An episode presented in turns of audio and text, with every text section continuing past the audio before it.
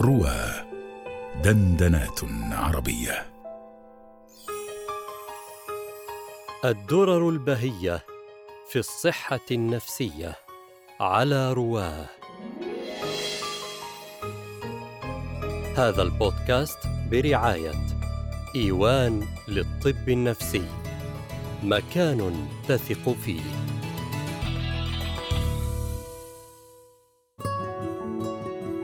مدار الحضارات على سلامة الإنسان الذي ينهض بها ويحافظ عليها ومدار سلامة الإنسان على صحته البدنية والنفسانية.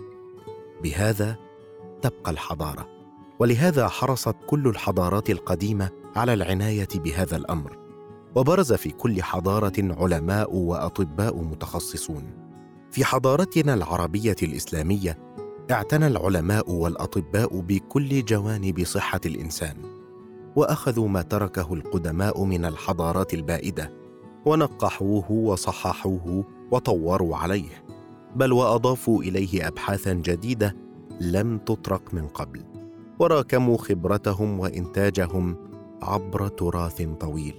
ومن بين أهم ما اعتنوا به في صحة الإنسان صحته النفسانية سواء في الجانب الوقائي حفظ الصحة أو في الجانب العلاجي إعادة الصحة وتعقبوا كل ما أمكنهم اكتشافه من الآفات النفسانية فتتبعوا أعراضه وحددوا أوصافه ووضعوا برامج علاجية بالعقاقير أحيانا وبالسلوكيات المعرفية أو الجدالية أو المهارية أحيانا أخرى.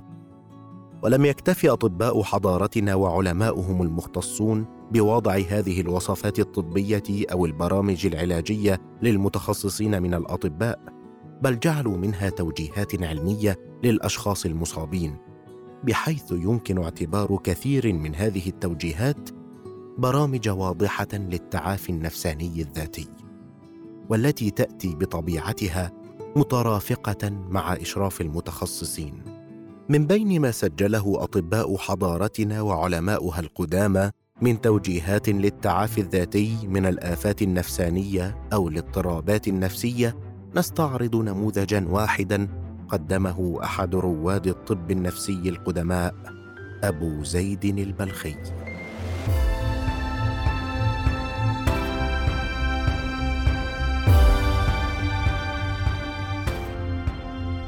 يعد أبو زيد البلخي رائداً متقدماً في مجال الصحة بجانبيها.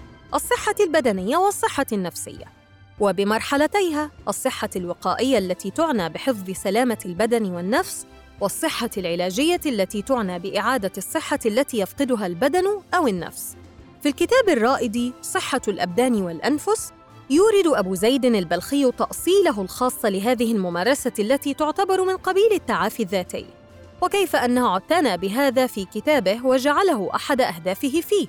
فيوضح بكل إنسان حاجة وخصوصا بمن تغلب عليه الأعراض النفسانية المؤذية إلى أن يعلم كيف جهة التدبير في مقابلتها بما ينفيها أو يقلل منها. وإذا وجد ذلك مجموعا له مضافا إلى ذكر مصالح الأبدان في كتاب أو أمكنه أن يعرف ما يلزمه الحاجة إليه من ذلك فيداوي به مما يعتريه من تلك الالام واستغنى عن تطلب تلك الأشياء في المواضع التي توجد متفرقة فيها من كتب الحكماء وأهل الموعظة والتبصير ثم لعله لا يقدر على أن يجد ما يحتاج إليه من ذلك مستجمعا له في كتاب واحد يكون رجوعه فيه إليه. فقد علم أن مطلب ذلك يعسر ولا يتسهل السبيل نحو تسهيلها إلى تدبير مصالح الأبدان وحفظ الصحة عليها وإعادتها إليها. ربما كون هذا التأصيل من البلخي رائقا ومستحسنا من القارئ المتخصص في الطب. لكن البلخي يعرف أن كتابه قد يقرأه غير المتخصص وهنا لن يكون هذا التأصيل كافيا إذ لا بد أن يكون هذا القارئ غير المتخصص على إدراك أولي للحد الأدنى من طريقة عمل الأشياء. في أمور الصحة يطمئن الإنسان أكثر كلما عرف السبب والعلاج المقترح والجدوى والنتيجة. وكيف يعمل كل ذلك؟ ولو بصيغة إجمالية. وهذا هو ما أسس له أبو زيد البلخي بالتوضيح تحفظ صحة النفس من وجهين. الأول أن تصان عن الأعراض الخارجة التي هي ورود ما يرد عليها من الأشياء التي يسمعها الإنسان أو يبصرها فتقلقه وتضجره. وتحرك منه قوة غصب أو فزع أو غم أو خوف وما أشبه ذلك. والثاني أن تصان عن الأعراض الداخلة التي هي التفكير فيما يؤدي إلى شيء مما وصفنا من هذه الأعراض فيشغل قلبه وينقسم ضميره. وفي جانب الصحة النفسية يوضح منطقية التشخيص والعلاج.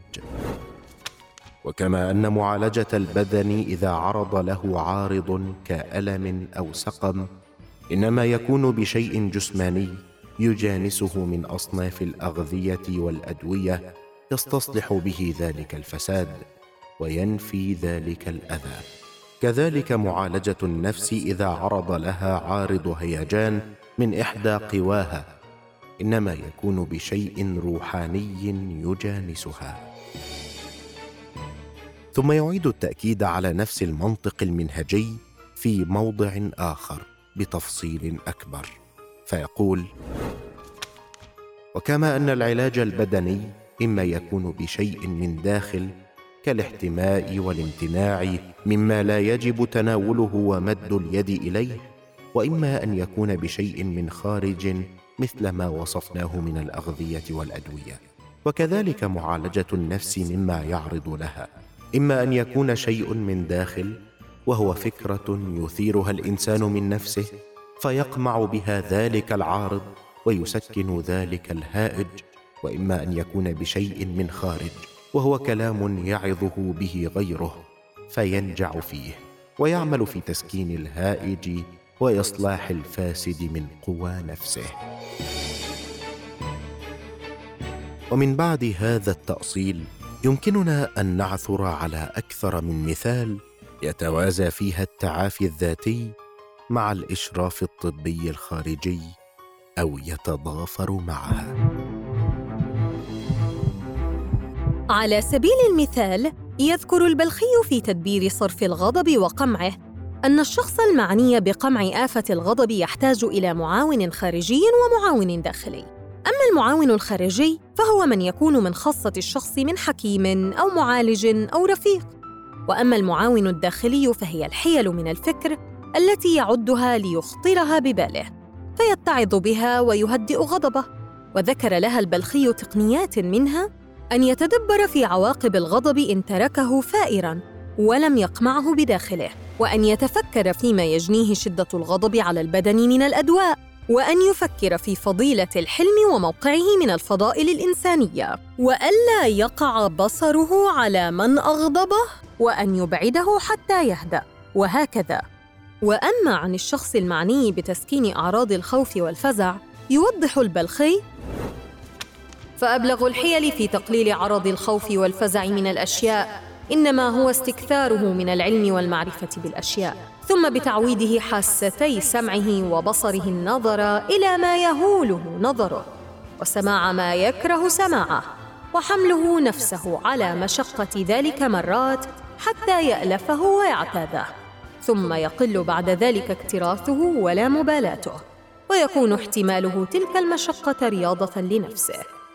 وكذلك في تدبير دفع الحزن والجزع فالحزن معروف السبب الذي يتولد من قبل التفكير في فقد محبوب أو امتناع مطلوب وهو هنا غالبا يتناول اعراضا أقرب للاكتئاب فيقترح طريقتين.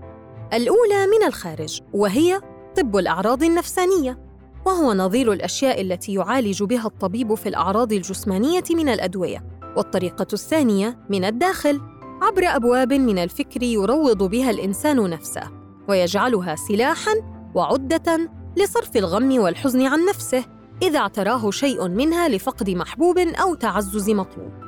وذكر البلخي عددا من الحيل التي يفيد الشخص أن يتذكرها عند التعرض لتجربة الحزن والخوف.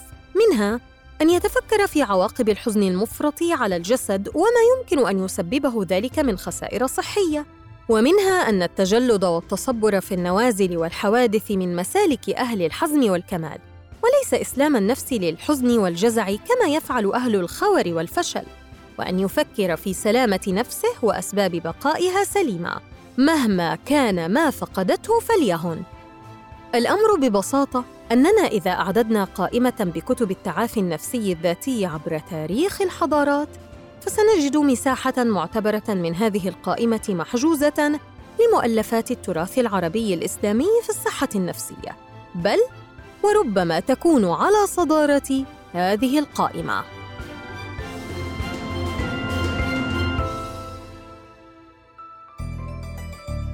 هذا البودكاست برعاية إيوان للطب النفسي. مكان تثق فيه.